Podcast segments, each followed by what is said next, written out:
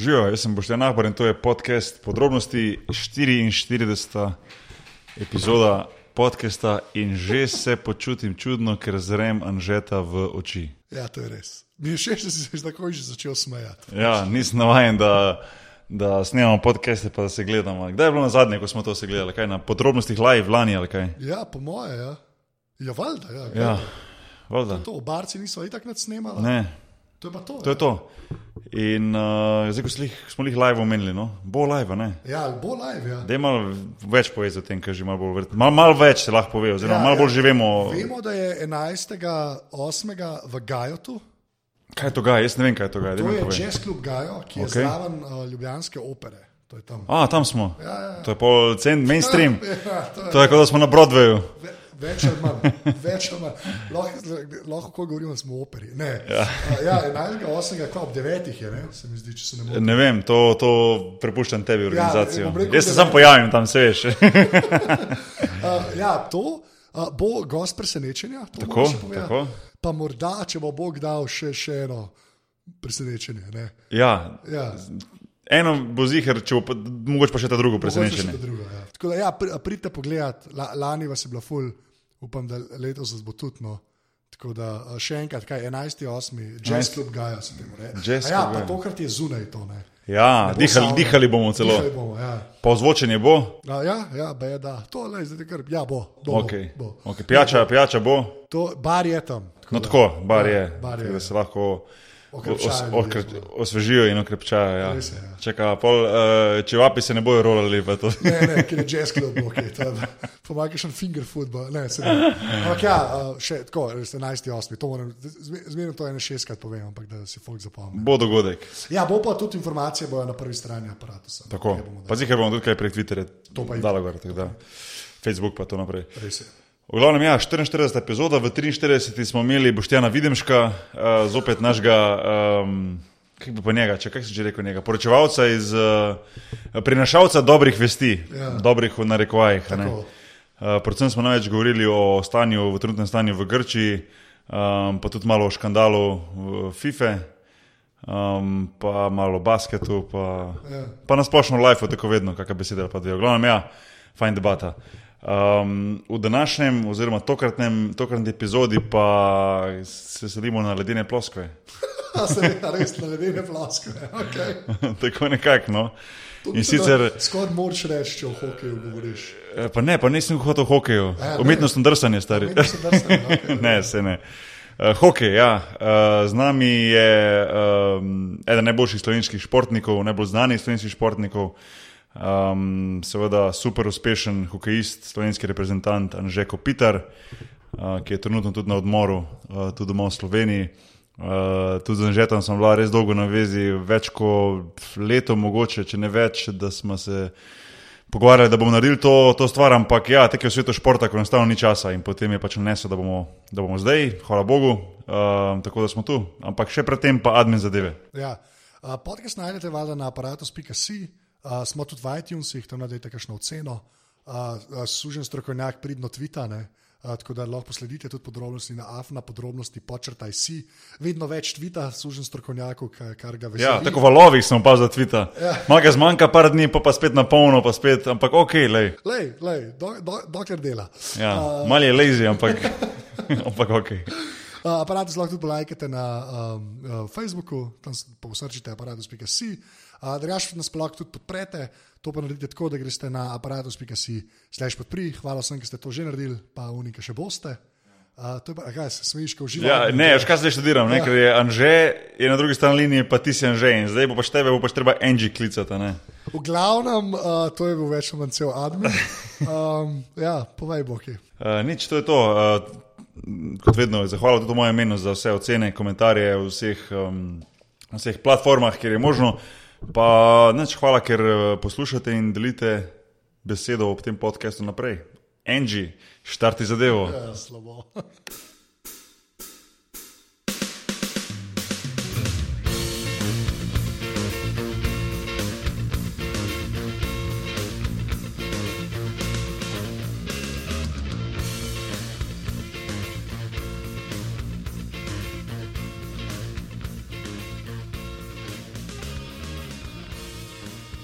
Uh, torej, z nami je Anže Kopitar, uh, Anže živijo. Zdravo, boki živijo. Živijo, živijo. Uh, sorry, ki te motimo sred počitnic, no to je prvo. Ja, ne, sej ni problema. Tudi počitnice niso tako, uh, niso več v teku, no, glede na to, da se preplavam že na, na novo sezono. Tako da uh, počitnice so bile, zdaj pa že tisto pravi ritem spet. Tako da uh, je vse v redu. Ej, sam, uh, mislim, točno vem, kako to zgleda, ko počitnice niso v bistvu počitnice, ampak moram reči, da jih prej sem, sem videl na Twitterju, si dal gor, da si palačinke jedel. Tako da sem rekel, zdaj ne vem, kakšne priprave se to, da vjačeš malo ali da se pripraviš na sezono. Uh, veš kaj, um, gledno, smo imeli na bledu, smo imeli uh, te izbledno, uh, oziroma znani kot uh, blejski dnevi. No? Tako ja, da sem ja, šel malo pač, uh, tam po promenadi, tako imenovani, in sem se ustavil na dveh palačinkah, ki je že res dolg, dolg časa nisem pojedel. Uh, tako da sta lepo pasale v moj želodec danes. Ja. Jaz še, dobro, doma sem pojedel za nečene palačinke, ampak prav, da bi, da bi šel kam na palačinke, tu sloven, kar sem prišel nazaj, še nisem. Da, uh, Tomič, Anže, pričakujem, da me boš povabil kmalo v Ljubljano. Veš, kam si gre v Ljubljani? Ja, in ne... se že bila enkrat. Ja, pa letos ne. To je res, to je res. Letos mora iti, bo šla. No, najboljše palačinke v Ljubljani. Tisti, ja. ki jete palačinke v Ljubljani, veste, kje je to, da ne bomo preveč reklame delali. Vse lahko reklame dela, v Romeo to bo šla, šla Romeo. A si bil kdaj, Anže, v Romeo v Ljubljani? Ne, ja, veš, da pa še nisem bil. Jaz zelo presegam na, na domače palačinke. No, Tak, do, ko domače misliš, prav doma, doma narejene, ali kakšni domači gostilni? Doma, doma narejene. No. Ja, ja. Uh, moja stara mama je zmeraj palačinke pekla, tako da uh, zelo težko, da če bom res zdaj se odpravil na palačinke, tudi zdaj žena uh, naredi super palačinke. Tako da težko, sam sem jo že malo pripravništvo o tem, sicer moje se ne morejo kosati, ampak uh, bolj presegam na domače, no, kot pa uh, kje vzunaj v kakšni restauraciji. Pol tudi recimo v Ameriki nikjer predvidevam, da ne najdeš uh, ta pravih palačinke. Ja, ne, ne, ne štejem ameriške, no, pancakes, ameriški ne štejem, da je ta pravi, naš. A veš, kaj mislim? Ja, se mi ja, da je to čist neka druga stvar, to je ono different animal, to sploh ni, a veš. Uh, Ja, ja čist drugače, to, to je ja. dejstvo. Je. Zdaj, tudi, kje, ki smo na poti v kakšnih hotelih, pa to uh, zjutraj si tudi prvošen tiste ameriške, ki mi, mi res zapašijo, ampak palačinke so le palačinke, tako da morajo biti doma narejene. Ja. A pa vi ste oba dva že bila v tej International House of Pancakes v Ameriki? Ja, jaz, sem, jaz sem dejansko šel. Mislim, jaz sem bil, ne vem, ja. kje bil. Jaz mislim, da je zelo malo odstotek prebivalstva v Ameriki, ki še ni tam bil. Uh, ja, tudi jaz sem že bil. bil. Ja, ja. Ja. Uh, dobro, zdaj, ko smo začeli s plačinkami, uh, drugače, mi se vedno z ostalimi športniki to pogovarjamo, recimo o dieti, pa to recimo full pazijo, ne, veš, je v obdobju leta, recimo, kdaj bolj, potem je na vrsti hujše, oziroma ko se priprave, da se bolj, da se bolj striktno drži neke, neke diete. A si tak, a mislim, potrebuješ sploh to, ali v bistvu si to kvedo za težo, za, pri, za pripravljenost, za konc koncem konstitucijo, da ne rabiš biti neki ekstra pazljiv pri tem, kaj ješ? Um, moja konstitucija je mal, mal bolj na težki strani. No? Tako da uh, jaz sigurno se moram mal paziti na to vse skupaj. No?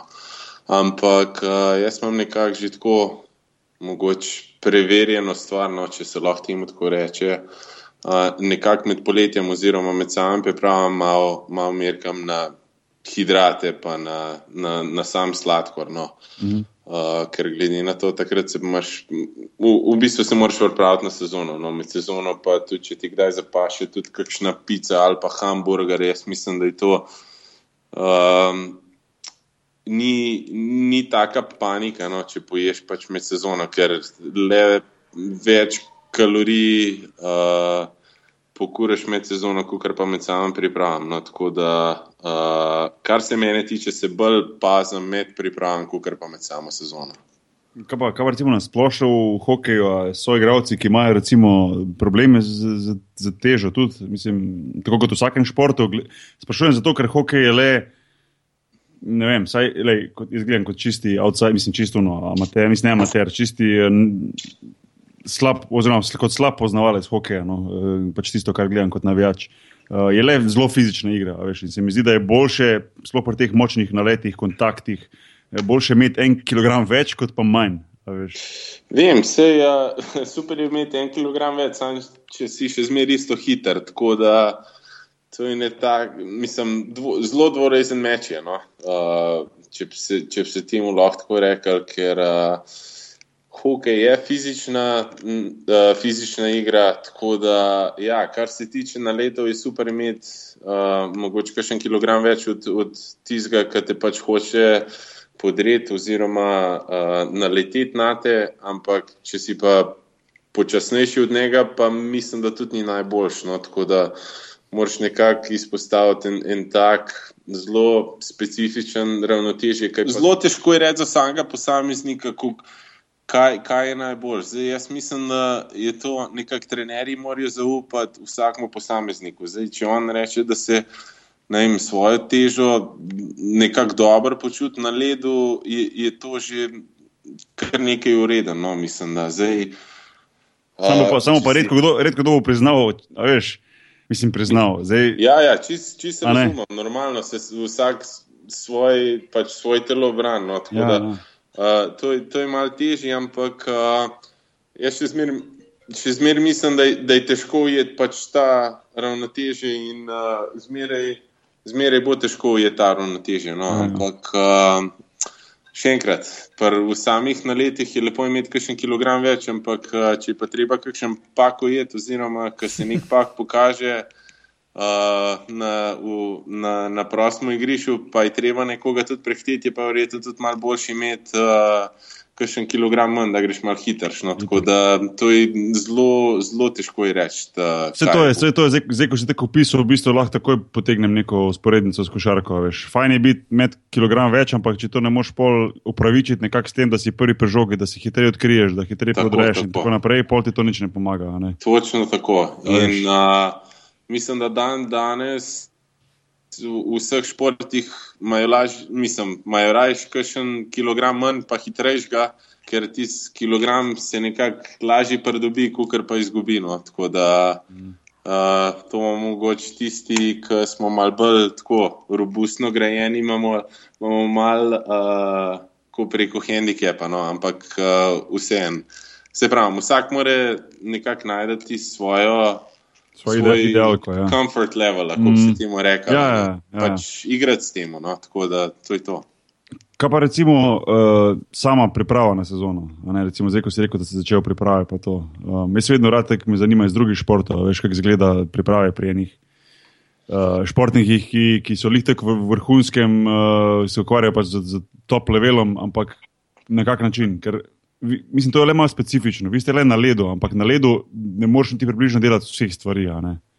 Ja, um, mislim, jaz čisto, če zdaj nekako um, povem nekaj, uh, oziroma opišem moje priprave. No? Ja. Zdaj, normalno je čisto odvisen, kako se mi sezona konča, ne? ker uh, smo pač šli v finale, pa zmagali prvenstvo. Čisto drugače, ker imaš zelo malo časa za pripravo. Ne? Letos pa pač, ker nismo prišli v končnico, uh, Je pa v bistvu priprave so malo lažje, ker nekako zelo počasi začneš in se nekako postopoma pripravljaš na vse to. In jaz, glede na to, da sem letos igral pač svetovno prvenstvo, uh, ki ga je bilo konec sred maja, uh, nekako ne bom šel na let do, do začetka avgusta. No? Tako da um, tiste bazične priprave za me uh, se zgodijo vse nekje na kakšnem stadionu, oziroma v gozdu, ki grem na, na kakšen kros pod mač povedan. Ja, no, se to smislo, ker lih, lih, raz, mislim, jasno, recimo, samo predvidevam moči v fitnessu, to je itak bolj kot ne. En, mislim, podobno za vse, ne bom rekel enako, ampak podobno za vse, ko še kaš, odbojkaš, ne vem, nogometaš, konc koncev, tukaj isti. Verjetno je dosta vaj podobnih, ampak samo nabiranje kondicije je pa je pri tebi drugačno, zato ker ga verjetno ne moreš, tega ne moreš dobiti na ledu. Razen če bi zdaj, ne vem, kroge delo v dvorani sama, veš, da bi.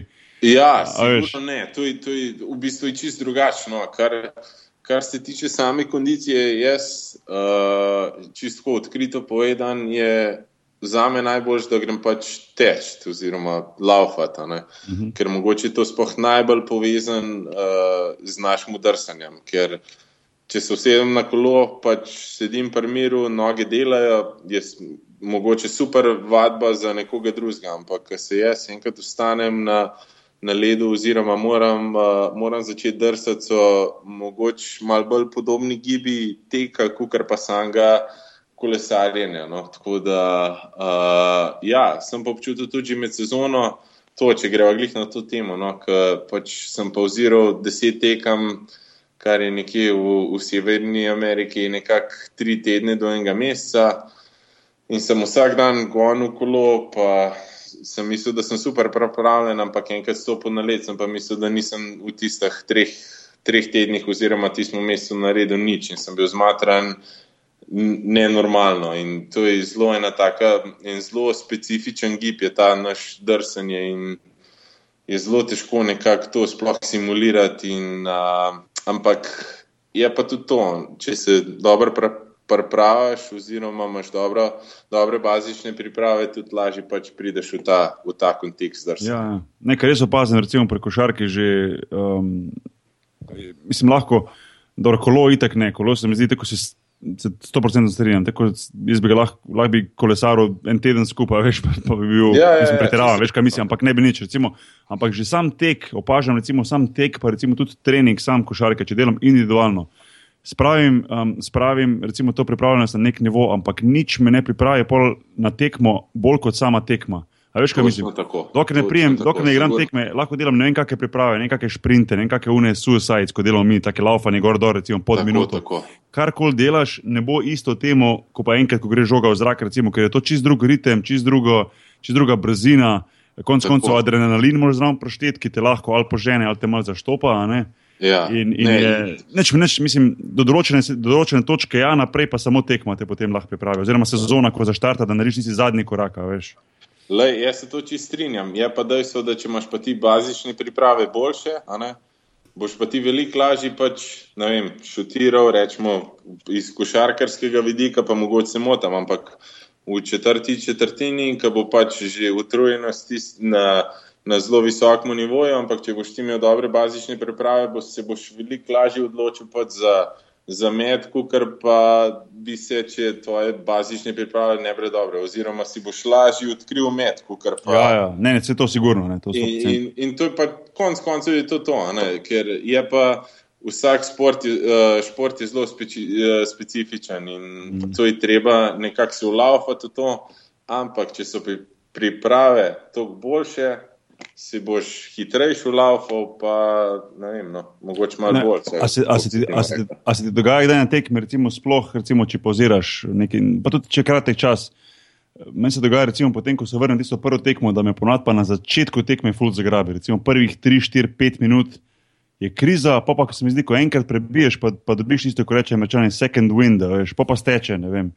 To se meni ful dogaja. Pa, pa, ja, ne vsem, sem pa um, ne vsem, marsikdo reče, da ja, sicer, ampak ne vsem. Ne a veš, kako je zdaj, mislim, čisto po pravi spovedan, sem jaz, uh, pa trkam zelo po lesu, sigurno, um, sem zelo mal tekam za mudo. No. Tako da, kar se tiče tega, ja, ne, hvala Bogu, to je super. Ne, to je super. Je, um, mislim, je zelo tako. Bi bil mogoče malo kritičen, ampak uh, točno pa vem, kaj govoriš, ker se enkrat tisti ki spet začneš, pa dobiš tisti uh, žgoči v ja, ja, ja, tvojih ja, ja, nogah, ampak ja. pojka enkrat ti sprebiješ, je pa vse ful veliko lažje. Pa kar gre. Ja. Točno vem, kaj, kaj govoriš in oziroma kaj mislimo. No, tako da je ja, ja. sigurno je tudi to, pa malo adrenalin pomaga, pa vse skupaj, pa sigurno tudi pripravljenost in um, pa tudi psiha konc koncev. Tako da to je, to je vse skupaj povezan, po mojem. Ja, ja sigurno. Ja. Uh, Dajmo se malo vrniti na začetek. Uh, jaz vedno rad vprašam, recimo, tiste.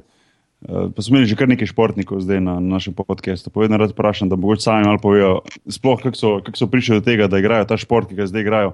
Pa verjamem, da je tvoja, ta tvoja zgodba v Sloveniji že kar, že kar znana, ampak možda tiste, ki, ki ne vejo um, tako na hitro, recimo, kako si začel, zakaj si začel, tisti prvi korak je pa potem pot nekako do Amerike, kako to vodi. Ker tudi sam ne vem točno, kako gre pri hokeju. Veš, vem za košarko.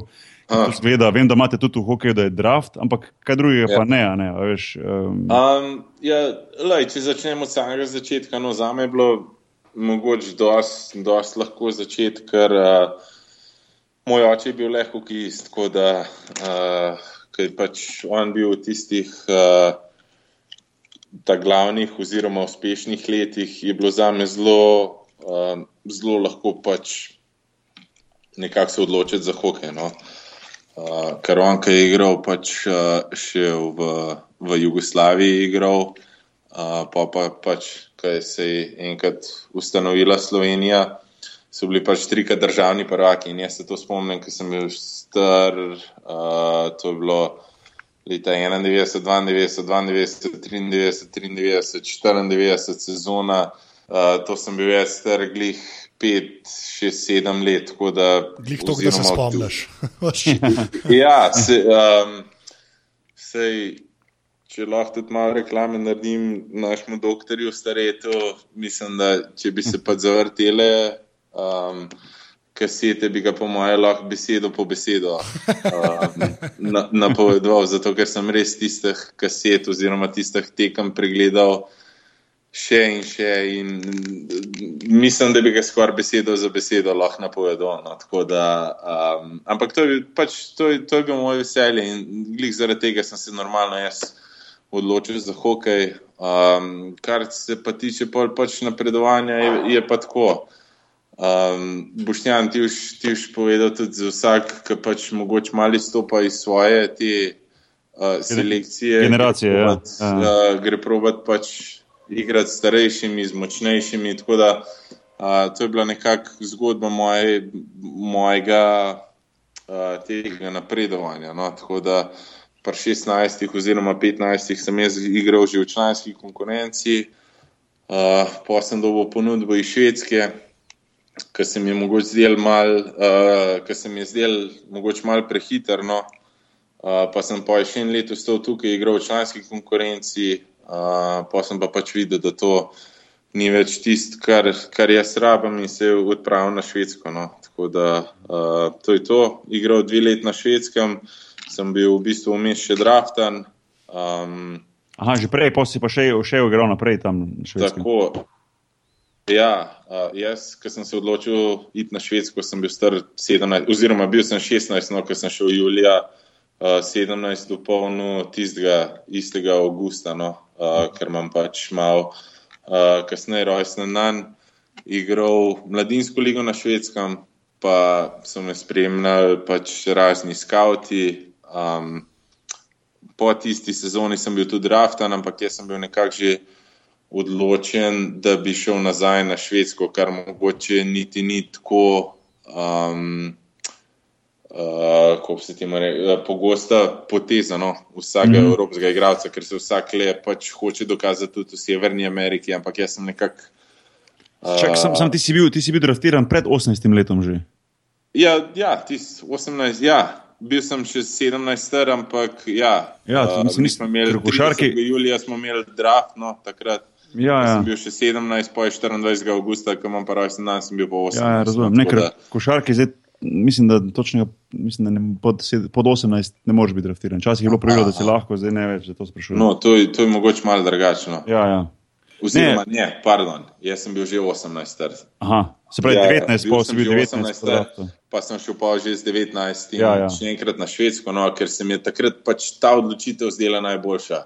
Uh -huh. uh, moj oče je bil mentor toliko in toliko let in tudi on je takrat mislil, da je da je to najbolj in so se nekako skupaj odločili. No. Ja, se, težko reči, da se ful ni obrestval, da si še en let ustal.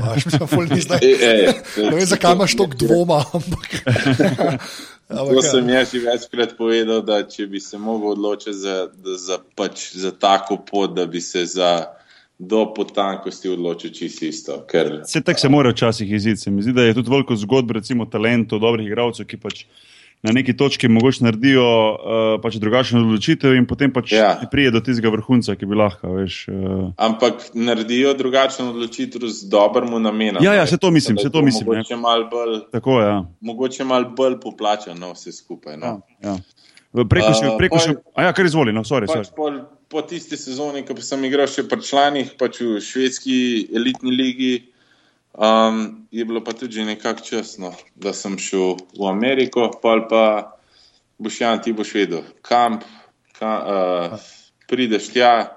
Je nekako 60 igralcev in se enostavno, druge ni, kot pa da si dokažeš, da si pač zmožen tega. In, uh, Kako je sploh nekako... v hokejski ekipi, kako je v hokejski ekipi igralcev sploh? Prosti, ne vem res. Ja, uh, 25. No, ja, to je enkrat več, v bistvu, kot basket. Enkrat več, točno. Ja, ja. ja, sigurno enkrat več, ampak uh, pride pa na kamp 60 do 70 igralcev. Foreign, foreign konkurenco.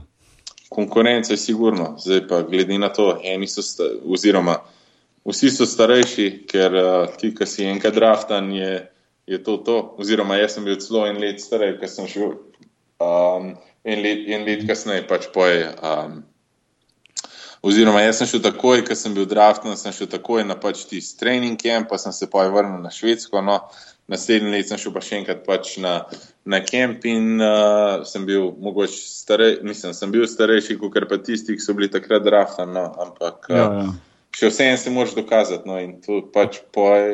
a, a pa imajo te igralce, recimo, kot se reče, da jih je 60-70 igralcev. A pa dejansko imajo tisti igralci, ki so med temi, bom rekel, že proti proti koncu liste na trening kampu.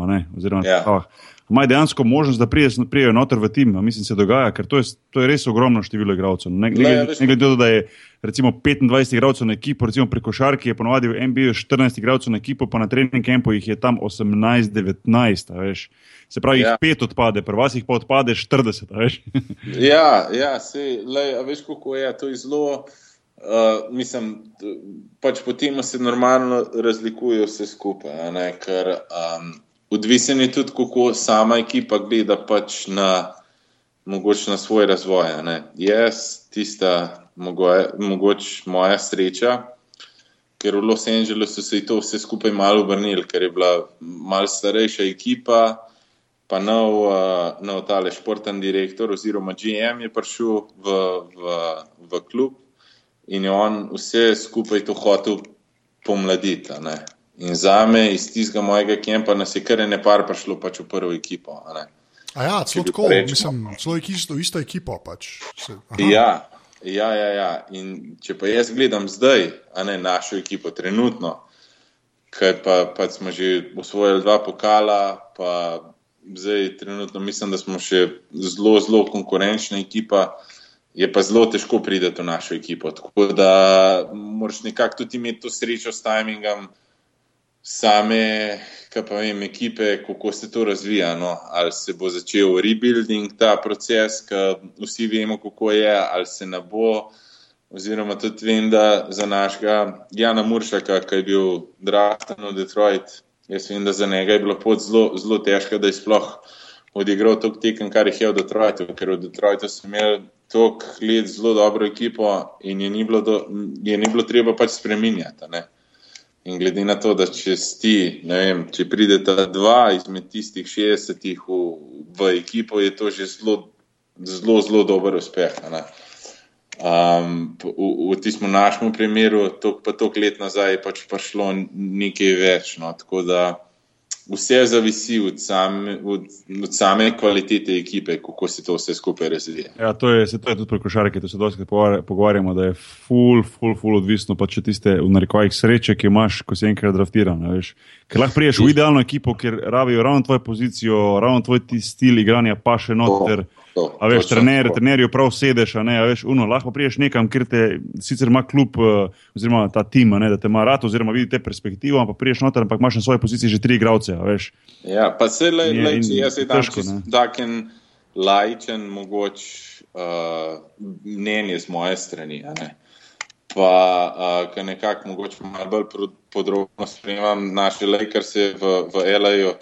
Zdaj, trenutno je verjetno veliko lažje priti v ekipo Lakersov, kot pa v ekipo Golden State ali pa ja, San ja. Antonio ja. ali pa v, v, v Cleveland. Tako da pač to je vse nekako, toliko stvari je, je skupaj povezano, kako ti to lahko uspe, da um, ni ena taka formula, da bi se, da bi se lahko pač potem udržal in da to kar rata.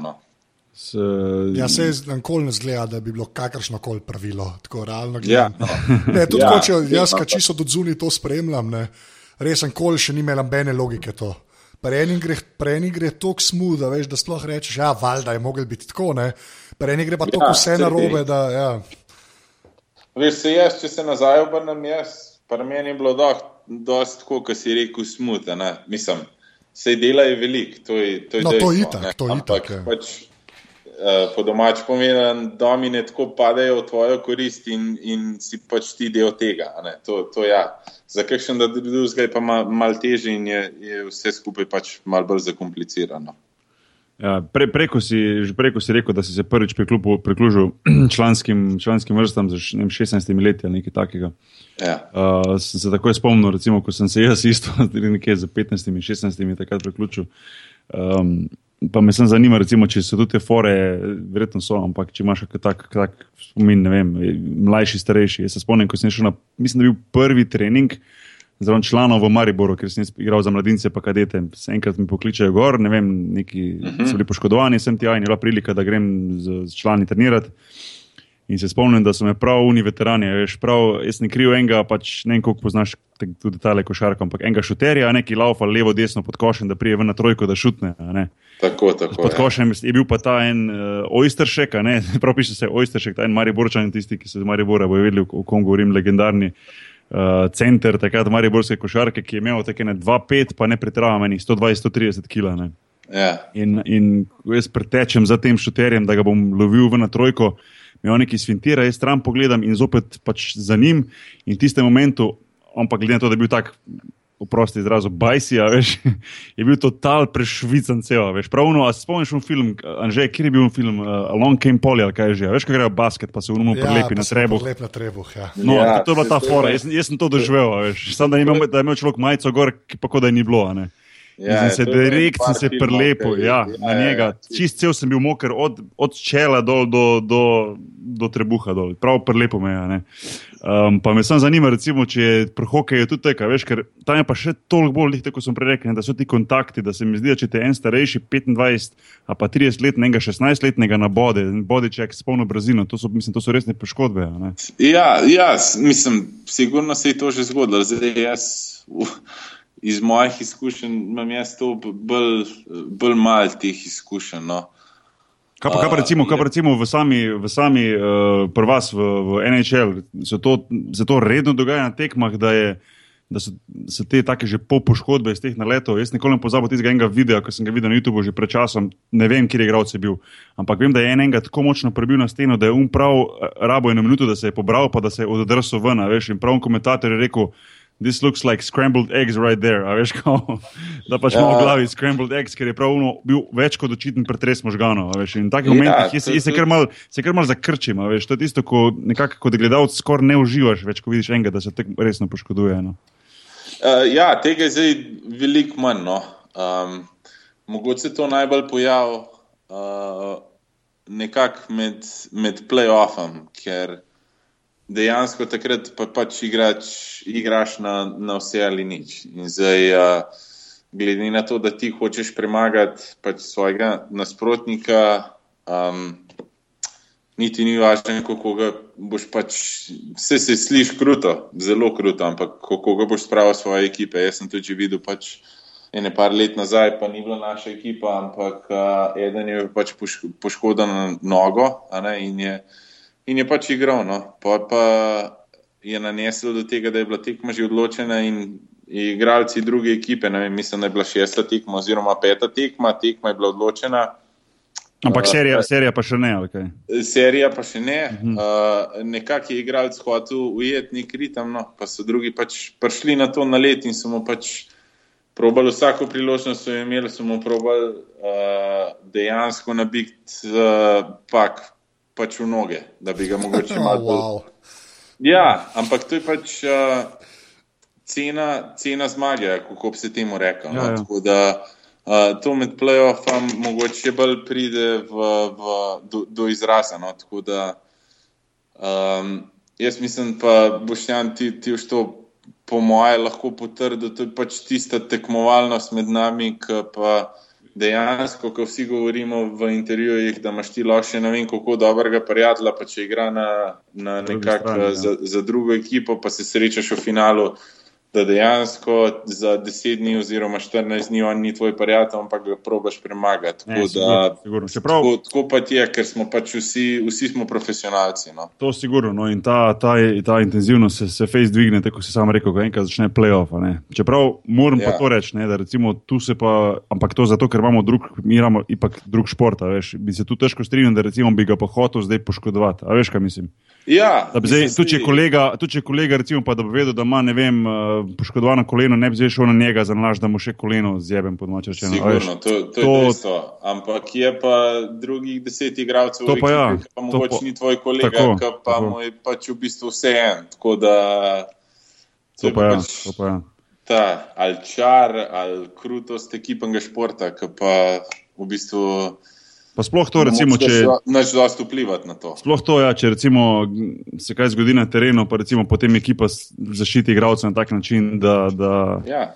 a veš, da, da Glej, se, se se lahko- potem spravi na drugega. čez- Ja. Vem, v našem športu, pa, mislim, v hokeju, pa lahko tudi v košarki, mogoče pa kakšen pač severnoameričan namara evropejca. A ne. In glede na to, da smo tako pomešani, bojo pač severnoameričani mogoče malo bolj trdo igrali na evropejce, kot pa na, na svoje. Tako da pač, Ja, ja, ja. Ja, jaz mislim, da je to čisto logična varijanta. Ali pa lahko bi bilo tudi obratno. a ne. Tudi ko- Evropejci- Koliko je zdaj, koliko je a zdaj recimo sploh uh, uh, evropejcev oziroma tujcev v, v, v, v hokeju, mislim v NHL-u? Mislim, tek po procentih, a imaš kak feeling, koliko bi to lahko bilo? 30, 40, 50, velike je v hokeju, a ni? Jaz mislim, da kar bi rekel, zdaj bi se zlagal. Resno, to bi po mojem moramo prav preveriti. internet pogledati. Ja, ja, bom prav pogledal, Res ja. nimam ene take cifre, da, ker se mi dobesedno se mi sanjanje, kako, kako je razmerje. A lahko je samo ena, zdaj, ko smo govorili o tem prehodu iz eh, mlajših selekcij med člane. Ne? Lahko. Ka, tam moraš imeti mrežco, a ne, dokler si mulj, Ja. načeloma. Ne? Zakaj za Boga nimate še pol mrežca? Ja, to je bilo. To- To je res.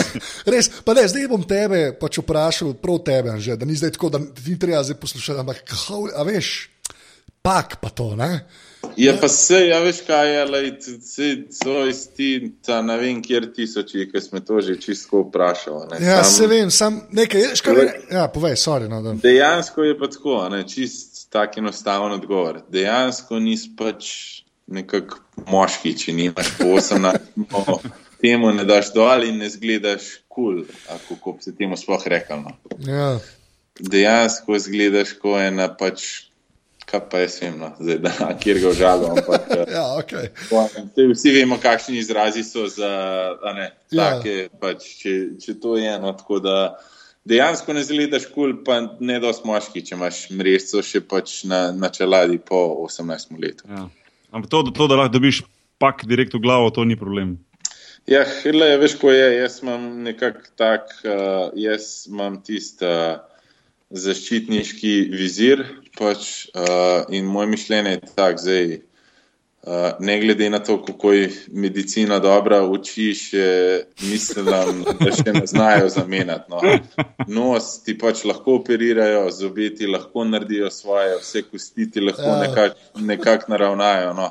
Ja, ja. Ampak, uh, Mi je pa všeč, da imaš tako Oči pa- racionalno razlago. Pač. Ja, ne, Se no. pravi, se pravi, tisti trenutek, ko boš v časopisu prebral, da lahko takoj zamenjajo, ko boš dal, boš dal vizir. Boš dal vizir, Ne, vizir to, pa, to, ne, to tudi ne, ker to sem se ga pa zdaj že preveč navadil, Aha. da, da, da bi Ja. ga dol vzel. Ej, veš, koliko je, le 50% je kanačanov v ligi. Um, Ja. Američano je tako malo smešna lestvica, ko v bistvu sam ne kažem po procentih, moram sam zračunati, ker je tako, um, kako se reče, temu, no, lestvica taka malo drugačna. Ampak ja, Kanačanov je 50%, Američanov uh, je okoli 20%, potem je Ja. pa največ, tretji največ je Švedov. Ja, Um, po, pa ste, po pa je malo mešano, pa imaš pa Fince, Slovake, Čehe, Aha. Ruse, pa piše Other, je pa tudi enih par procentov. ja, pa so še pač Švicari, tudi nekaj Ja. ja. Avstrijcev je. Zdaj, Slovenija sem trenutno še sam, no, tako da upam, da so tudi to na hitro. Pa je zadnji kaj, je kaj mladih igralcev perspektivnih v naslednjih letih? Je, jaz mislim, da je, no, zdaj pa veš kako. Um, vsak pač tak športnik, oziroma saj pri meni bil, uh, se je to zgodilo, da moraš imeti tudi malo sreče, oziroma moraš biti, tako se reče, uh, v pravem času na pravem mestu. No. Tako da jaz upam, da se v to vse skupaj še kaj še našemu zgodaj. Um, kaj pa recimo ta preskok, ko si rekel, prej smo prišli do Švedske, pa pa recimo naenkrat Los Angeles. Um, mislim, moj odhod v Ameriko je bil, je bil kar dost velik, tak rekel, šok, pa uno, adjustment je bil res velik. No. Jaz sem šel recimo iz Italije ja. v, v Ameriko, v Houston, ki je tudi veliko mesto. Um, recimo iz Švedske v Los Angeles, pa še mojem, mogoče toliko bolj, no, ne vem, si predstavljam, da bi morala biti orenk razlika. Kako kak si naredil tisti preskok, kako si se hitro navadil na ameriški način življenja, na vse to, ali si imel probleme um, na začetku, ali je bilo to ono smooth varianta? Veš, kako jaz na začetku sem imel enega cimra, no, ki je bil pač američan. Uh mhm. -huh. In nekako on je zelo velik, oziroma velik mi je pomagal pri pr tej nekakšni tranziciji, no, uh, ko bi se temu rekel, da nekako vse razumeš, kako vse skupaj to gre. Uh, po vrhu tega smo imeli pa še zelo pač tako veteransko ekipo. In glede na to, da vsi vemo, če so veterani uh, v ekipi in grejo mogoče traparije malo manj po glavku, ker pa kakšni mladi ekipi. No, tako da so me tudi oni pač nekako. Vsega tega naučili, kako nekako biti profesionalc, pa poskrbeti za sebe, da, da so res tiste pač uh, tekme oziroma igralni čas na ledu, ki si res tiste maksimalne. Mm. Um, pa recimo sam ta, veš, ker je le, je le drugače, če greš v nekatera druga ameriška mesta. Saj meni se zdi, no, po mojih izkušnjah, kot sem bil v Los Angelesu, je pa le malo specifično. Živeti tam, pa doživeti šport v, v L.A.U. je.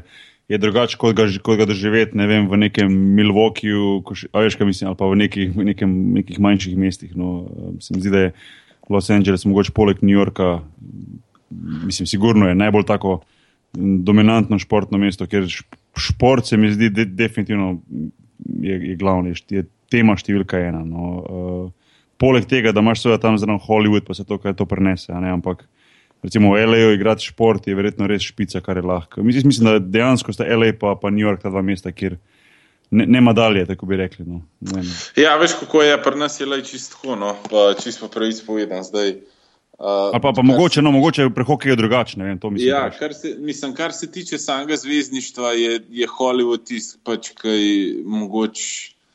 Res najbolj izpostavljena. Pa smo pa imeli še uh, Lakers, pa Clippers, konc koncev, pa dolce, da, da se nekako lahko malo za njih skriješ. No. Uh, Um, kar si pa verjetno ti tudi nekako navezal na to, da ja, um, življenje te lahko zelo hitro potegne, oziroma te nekako zakrivi na, na kriva pot. Ampak um, to sem pa zmeraj rekel, da je nekako odvisen čisto samega posameznika, ker če, um, če nimaš ti nekaj po domač povedano, glav pošlihtan, si lahko ali v Milwaukeeju, ali v Kolumbusu, ali v L.A.U. ali pa v New Yorku nekako skreneš sputa po domač povedano. In, in, in to, to pa pač ni to, kar, za kar si tam, oziroma ka, zakaj hočeš pač nekako usvojiti prvenstvo, no, oziroma pokale v, v našem primeru. Ja, ja, sigurno, to je sto procentno. Pa, recimo, uh, greš dosti gledati ostale športe v L.A., ne vem, Dodgers imate, pa, pa Lakers so tam. Pa, pa uh, ja, no, uh, čisto pravic povedan, Dodgers je mogoče še, najmanj, no, ker. Uh, Pa, pa drugače poznaš pravila play, play, uh, bejzbola dobro. Meni je bil bejzbol full všeč v Ameriki. Folk se ja, tu v Evropi, Evropi se zgraža, ko rečem, da mi je bejzbol všeč, veš, ampak uh, Uh, mi je bil res fulšen, sploh uživo sem zelo hodil gledati. Veš, kako je nekaj časa, da rabiš, da se pač uh, naučiš vseh teh pravil, no? oziroma da nekako ti bejzbol uh, parase k srcu, vsaj v mojem primeru. No? Um, pol, glede na to, da mi nimamo NFL ekipe v, v L.A., uh, pa ostanejo samo še Lakersi, pa Clippersi, pa nas, kar je pa za me tudi zelo lahko id gledati, sploh če vem, pridejo uh, vem, Bino ali pa Gogi, če pridete pač, uh, na gostovanje, je, je za me zelo, zelo fajn pač pogledati, pa, pa se dobiti z njimi potekam, pa kakšno rečeno. Tako da glede na to, da. Uh, da imamo nekaj igralcev v NBA-ju, grem, grem to pogledat. Uh, kar se pa tiče samega bejzbola, je pa uh, mogoče malo preveč časa oddaljen od, od, od moje hiše, tako da uh, pride tudi uh, ta logistika v igro. Da, da se ne bi gužva je preveč res, gužva je res parkirali. neznosno, velejo, Nino. Gužva je, Gužva res zna biti uh, katastrofalna. No, glede, od, od moje hiše pa do, do Staples centra, ki je naša dvorana, je nekako v normalnem prometu je, je 20 minut oziroma 25 minut. Lahko se pa vleče tudi za eno uro, pa polno, kar pa, uh, kar pa ni najboljše. ja, itak, ja. je smešno pol delati to primerjavo, ko, ko si ko prideš v Slovenijo, veš, pa se treba nekam pelati uh, pol ure, pa misliš, da ljudje jamrajo, veš, to vedno rečem. Kao. In me težko, Ja, ne, mi težko iz Lopane do domžalita, veš, pa, pa. Ja, jaz sem tudi veliko sem tukaj že povedal, da kako je fajn, da tudi včasih, če se na pet pasovni ali pa štiri pasovni avtocesti peleš 50 na uro, je prav, je prav super, samo Ja. da ne stojiš. Tako da to je, uh, uh, mislim, zelo drugače, kot pa, kakor pa tukaj, ki mi jamramo, da je, da je nekak promet pa gužva. Ja, E, pa to, kar si rekel, da v Staplesu igrate. Ne? Jaz sem videl zdaj par teh, a veš, tako YouTube posnetkov, ki kaže, kako zamenjajo pač let, pa, pa um, parket, pol, ne recimo za basket ali pa za kaj drugega. Ja. Kako pa, mislim, pa je ta dejanski turnaround tam? Mislim, a to se kdaj zgodi, da je v istem dnevu, da sta obe dve tekme, veš, da ste, ne vem, vi pa pol basket ali pa kontra? Ali je, ja, seveda. a ja, je, mislim, se, Seveda. mislim, to, da se redno dogaja, to mislim. No, ka, Ja, ne vem, Boštjana, se je to tebi zgodilo ali ne, ampak mi igramo pač v Benih, ob pol osmih zvečer je pa tudi uh, košarka. tako ja, ja, je pa bilo že. obraten, no. Je bilo že, ja. Je A bilo, Ja, je, je. okay. Jaz sem mislil, da je to tako sam parka, veš, pa da drugače imajo nek dan lufta ali pa Ma nekaj. se ne. ni, ni, lih, ni lih vedno, ampak se zgodi, da imaš ti, recimo, ja, hokej tekmo prej, pa pol oni postavijo tisti parket gor in je. se ne. to zgodi tudi ene petkrat, šestkrat, sedemkrat Ja. ja. na, na sezono. Ka, Aha, okay. Ker oni si- dejansko predelajo iz košarkarske v hokejsko, oziroma obratno, v, v dveh urah se to vse skupaj Ja, ja, ja. zamenja. Ja, To je neverjetno. Ja, to je dosti noro, če to pomisliš, ma, to je res pač noro. Je, no. Mislim, Ja, mislim, da je malo boljša logistika, kot pa kje druge. Ja. ja, to verjamem. Ja. A, še kaj sem želel vprašati? A ta, um, pač, ki je sezona prva, se tudi, mislim, hotel reči relativno dolga, realno gledano je full dolga. a ne. Ampak uh, uh, ta potovanja, pa to, a, a, a, to ti, a si. Ki sklepam, da na švedskem, ki si bil, ne, a je že pa pri nas, ki tega ni tok, a jaz ne. A to si se že na začetku lahko navadil ali ne, ker to pa je tako tepe lažje, ker ne trpiš tok na avionu, kam mi dva z bokijem, ampak načeloma ti je bilo od začetka v redu, ali si rabo neki cajt. Ja, um, Mislim, vi greste le do Kanade, ne, to že Amerika je velika, ne, pa je treba pa še gor leteti, to res niso majhne razdalje, na koncu. ne. Sam nikoli ne, Ne, ne greš, sam- ne vem, ne vem, kaj je pri hokeju, sam nikoli ne greš recimo iz LA direkt v Toronto igrati. Ali pa tudi, mislim, greš mogoče tja, ampak boš potem tam v, recimo, v tistem delu odigral par tekem. Se pravi, ne boš tako noro potoval, ja, Ja, da bi šel zdaj LA pa Toronto, pa nazaj LA, pa pol boš šel uh, ne vem, nekam na Florido, pa pol boš šel v Vancouver, a veš, ne boš delal teh dolgih ja, ja. letov, Mislim, veliko. kar se tiče same Kanade, mi imamo dve ure pa pol do Vancouvra, tako da to je v bistvu še eden izmed bližnjih naših Ja, valjda, ja. potovanj. A ja, V redu. Ja. Ja. Ne, dobro, ampak to, um, kar se pa tiče samega potovanja, ja, mislim, mi pridemo, rečemo, pa je treba leteti šest ur iz L.A., rečemo v New York, pa pa igramo z New York Rangersi, pa Islandersi, pa New Jersey Devilsi, tako da nekako upravaš tiste, um, tiste tekme v tisti regiji, no, pa pol gremo še v Filadelfijo, pa Uh, tako počasi pa je stopnjujemo nazaj. No, tako da ni samo za, ne vem, mogoče želi tekme na vzhod, pa pa je takoj nazaj, čisto v LA, Ja, ja, da ja. se res pač nabrale tiste milje oziroma kilometri, uh, da nepotrebni. Ja, ja. Se to, je, to, so, to so pol te, tudi recimo, ta način potovanja, pa, pa vse to. Ne glede na to, da je, da je zelo uh, natrpan urnik, je- je- se mi zdi, da se nekako vseeno na koncu bolj spočiti, ko pa če daš neko evropsko sezono skozi. No, ne imati prehokejo tako, ampak. A, a, veš, kako jaz tudi čisto mislim, ker jaz sem pač bil na, na švedskem, no, pa glede na to, da so tam šest, sedem, osem, tudi do deset ur potovanja z avtobusi, bi jaz še zmer uh, raje videl, da se pelem, vem, oziroma da letim šest ur z avionom, kot pa, pa z avtobusom, ker imaš res pač tisto first class, ne. varianto, ki te pelejo. Tako da, um, ne vem, no, sama potovanja oziroma sam, sam prevoz, ti čarteri, kar jih že imamo, so, so zelo na nivoju. No, tako da uh, to se definitivno da preživeti. Če drugače ne bi mogel dati skozi, koliko imate, 82 tekem isto. Ne, ja, tako, tako kot košarka. Ja. Ja, ni šans. 82 tekem, tako da to je. Težko je, no? mislim, se je težko, ampak glede na kakovost potovanja je pa še zmeraj veliko lažje, kot pa bi, oziroma je bilo um, Ja. pač v, v, v tistih starih časih, ki so še pač z rednim linijam leteli. Ej, nekaj, to je, mislim, mi smo letos z Barcelono odigrali, uh, mislim, nekaj čez 70, 75 tekem skupaj z pripravljanjem pa vsema, ne, kar je ogromno. Ja, Uh, pa smo imeli recimo svoj čarter, ki je recimo na enih 80% let m, potovanj ga uporabljamo, sicer to manjši avion, ni, ni to ala NHL Ja, ja. pa NBA. Ne. Ampak recimo na enih 20-30% je bilo pa tudi recimo rednih linij. a ne. In, in ti moram povedati, da se na koncu sezone tako utrujen od tega potovanja. Jaz, jaz v Ameriki nisem bil potok zmatran, ker je res, mislim, pač je, za, mislim, si vsak dan skoraj na avionu, pa to, ampak se nekako spes počiti na avionu, tu pa v bistvu te v Evropi te pa avion še utrudi zraven, točno. Ja, ja, A veš, čist, mislim, čist razumem, točno tako. Ja. Ej, prej si, prej si omenil stareta, no, ko si rekel, da ga, da ga da se ga posluša. Um, Zakaj se vsi smejimo, ker če se ja, ne, vem, neko njemu moramo reči besedo pa dve. No. To je le taka legenda, da ne vem. No.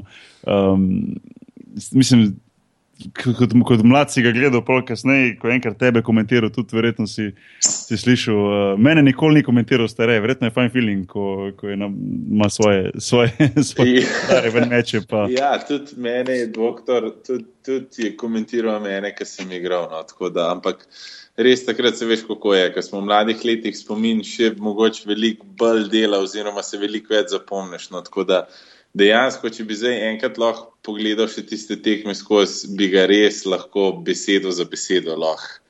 Uh, čist normalno pač odkomentiral tudi jasno, ampak uh, Čakaj, on, Ja, on, komentira, on komentira, a še zdaj vedno komentira on slovenski reprezentanco hokeja, še ima to, Anže, ti bolj veš mogoče. Ne? veš, kako je, letos so Šport TV so imeli Aha, aha, ja, ja. Ja. prevzeli na svetovnem prvenstvu, tako da on ni prišel zraven, ampak kadar je pa uh, nacionalka naša, je pa še zmer. On ima še atletiko, še ima, ne? Ja, ja. Atletiko, pa tudi nogomet, mislim, da ima Ja, še. ja, ja, ja. Ja. da- Tako je včasih jaz, ko prijem uno domov zvečer, prežgem malo televizijo in pol. Recimo, ali kak nogomet, ali kak atletika, ki me v bistvu ne zanima, ampak če ste rekomentira, pravno se zadržimo, veš, pa rečem, da bom malo pogledal. Da Moraš, vidim, da vidim če bo kaj. Ja, Zmeraj, mislim, veliko večino časa veš, da bo nekaj ja, ja, ja. zelo sočenega preletel ven, tako da, uh, kar je pa tudi zelo zabavno. ne, Itak, konec itak. koncev. Eh, Kaj pa recimo z, z, z reprezentanco, um, za, na, za naprej, mislim, uh, normalno si še vedno tu, plani so za naprej, eh, ne vem zdaj, kaj čaka točno hokejsko reprezentanco, ampak um, kako ti gledaš zdaj na, na, to, na to, kar si že odigral, pa na, še na prihodnost. Pa recimo, se mi zdi, da Slovenija ima to, vem, srečo, pa ne srečo, da je nekako vse kako res spremljeno, vedno ali na koncu te A divizije, pa na, na, na vrhu te B, ne nekako. Veš, kako je čisto, mislim, čisto odkrit povedan, kar jaz mislim. Ne, ker gle, če gledam rečemo, na ta zadnji svetovni prvenstvo, ki smo ga igrali na Češkem. No. Uh, mi delač od tega, da smo igrali slabo, ker pač izpad pomeni slab hokej oziroma slaba igra. Ampak delač od tega, da smo mi slabo igrali, ampak mi s takmo kadrom oziroma s takmo izbiro igralcev, ki smo igrali, smo igrali nekje na 75% moči, ne, če se lahko izrazim. Kar je pa za nas, oziroma za mogoče za kakšno drugo ekipo, niti ni tako slabo, ampak za nas to pomeni spad. Mi, če se hočemo obdržati, oziroma biti, ne vem, pred zadnji ali pa ta drugi od, od ozadaj, moramo igrati na od 95 do 100% našega potencijala. In to je pač za, za naš kader, ki ga imamo, je to mogoče malo preveč. Zdaj, lani na olimpijskih igrah v Sočiju se nam je to vse skupaj lepo poklopili, po domač povedan, pa smo igrali res 100% vsako sekundo, ko smo bili na ledu in smo prišli v četrt finale. To je pač tista. Konec koncev je tudi realnost. Malo Ja, ja. ne more biti, ampak je realnost. Ampak letos pa nismo igrali slabo, ampak nismo igrali pa tako, kot bi mogli, da bi pač ostali v, v elitni skupini. Ja. Uh, kaj pa to pomeni glede, B skupine, je pa tudi tako. Igrati moraš toliko pa toliko dobro, da pač prideš naprej. No? Ker tudi, mislim, da tudi tiste reprezentance, rečemo, ki so zdaj v B skupini, oziroma so rangirani pod nami, se, se krepijo. Tako da uh, bo, bo težko, no? sigurno bo težko, je pa definitivno izvedljivo. No, ne vem, kaj si zdaj prehokaj. Recimo v košarki se je v zadnjih recimo, desetih letih uh, izjemno razširil. Recimo, krok teh, ne bom rekel, favoritov za medalje, ampak teh, recimo, reprezentanc, ki so nekje med petim in desetim mestom. Ja, tako je isto, veš, ker je pa zdaj, zdaj pač svet bolj povezan, lažje, trenerji se lažje odločajo, da grejo v tujino, veš, kot, eh, da, da, da, da dvigne kvaliteto. Igravci novi, veš, bolje, bolje večji pretok igravcev in to vse pol dvigne kvaliteto v državah, kjer mogoče 10-15 let niso mogli niti približno sanjati o tem, da bi bili med desetimi najboljšimi v Evropi. Um, a pa na svetu, no, zdaj pa je v bistvu čisto drugače. Si predstavljam, ja, da je pri hokeju podobno? No? Ja, veš, kako je. Lej, rečemo, če bi nam pred štirim letam, uh, ko so bile olimpijske igre v Vancouvru, če bi kdo rekel, da, da bi pač mi lahko prišli v četrt finale, bi jaz pač imel resen, resno težavo, pač imeti tega človeka za normalnega. Tako pač je. Mislim, čisto, odkrit povedano. Ja, valjda.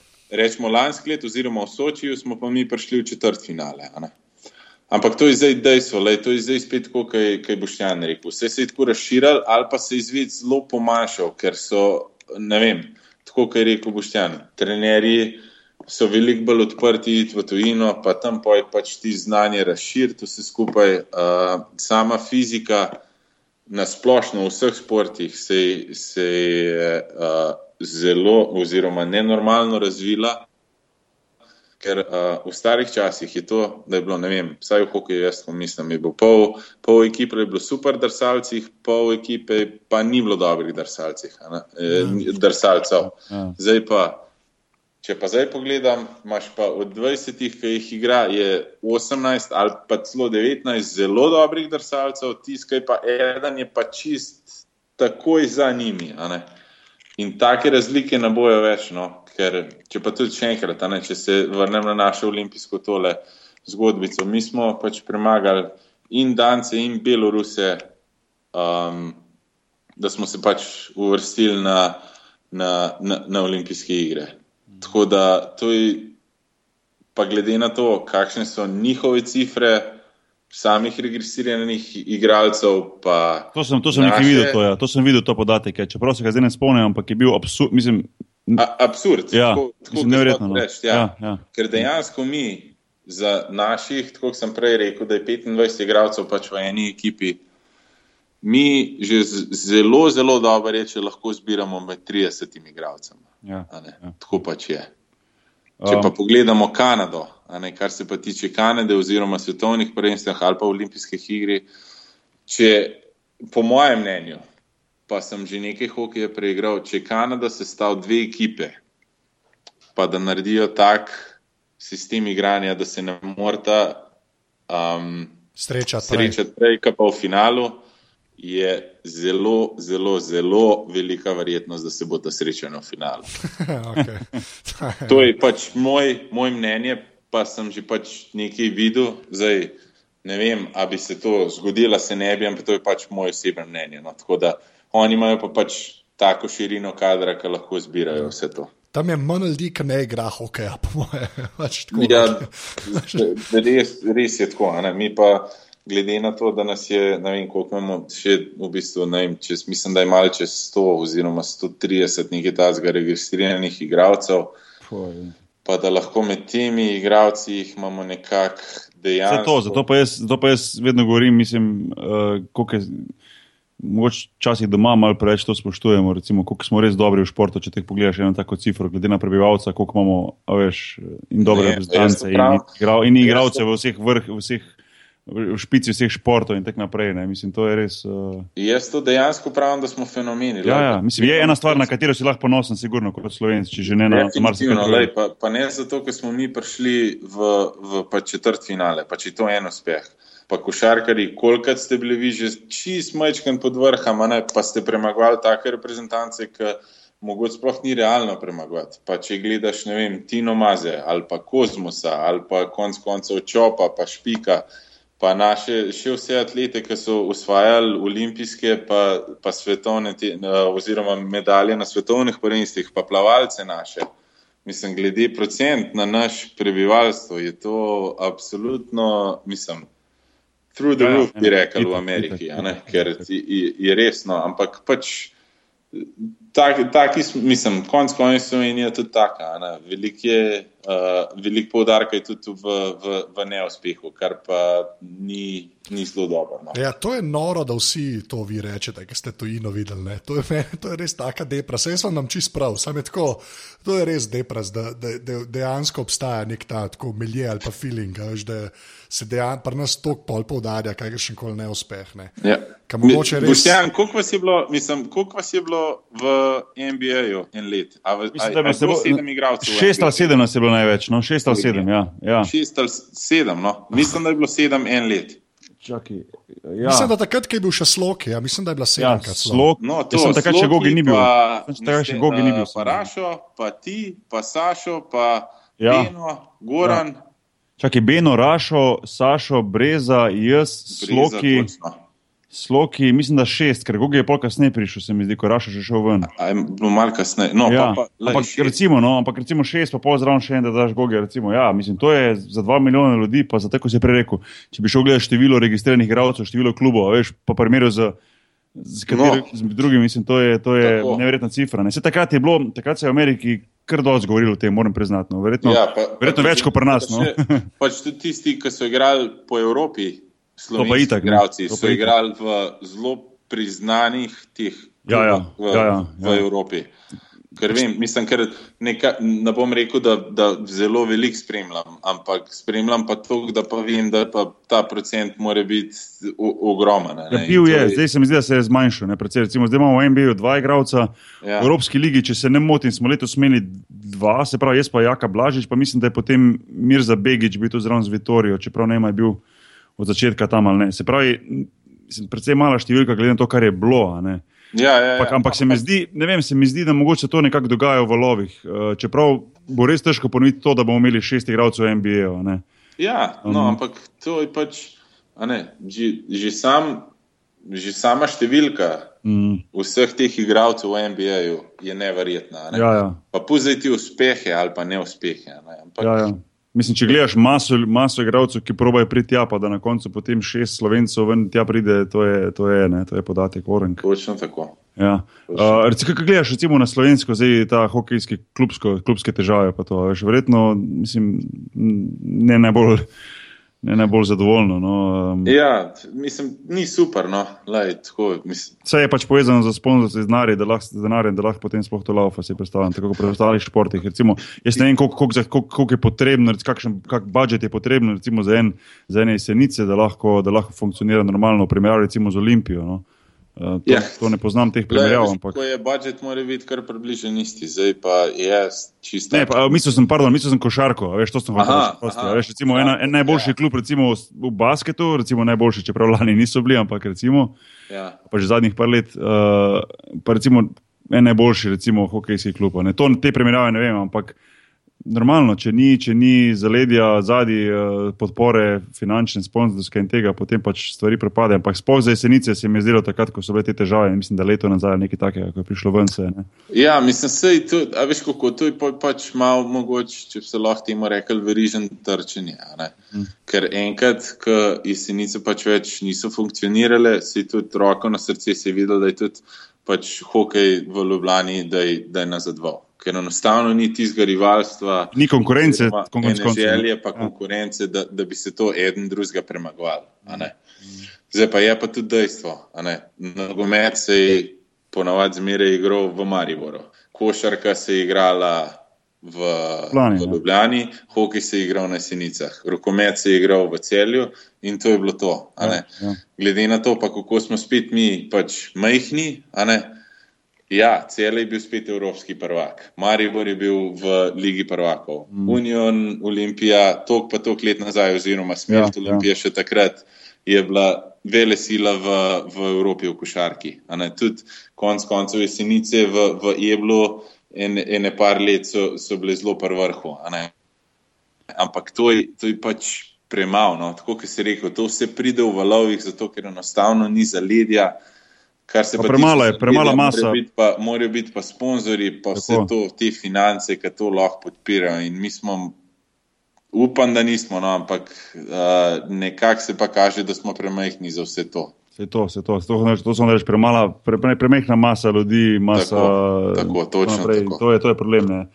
Um, ja, se pravi, isto verjetno, ko hokej upate na boljši jutri, isto je v basketu. No, tako da, um, Ja, mislim, se to je tako eno. Tlej, ja, ja, ker vem, posledično tru- potem tudi. Ta realnost. Slejko prej posledično bo trpela tudi reprezentanca in tako si sam rekel, da se že dogaja podobno pri, pri hokeju. ne, tako. Ja, seveda, se to je pa. Posledice se pa pa vidijo čez, čez par let, Tako, tako, tako. takoj se ne vidijo, ampak Tako. čez par let se pa vidijo in to zelo močno. Uh, Anžej, kdaj se vračaš nazaj čez lužo? Uh, v začetku septembra, zdaj, uh, trening kamp se nam začne nekje v, v uh, mislim, da v drugi polovici septembra, tako da glede na časovno razliko gremo tja malo prej, da se vse skupaj navadam, pa organiziram, pa pa začnemo vse skupaj.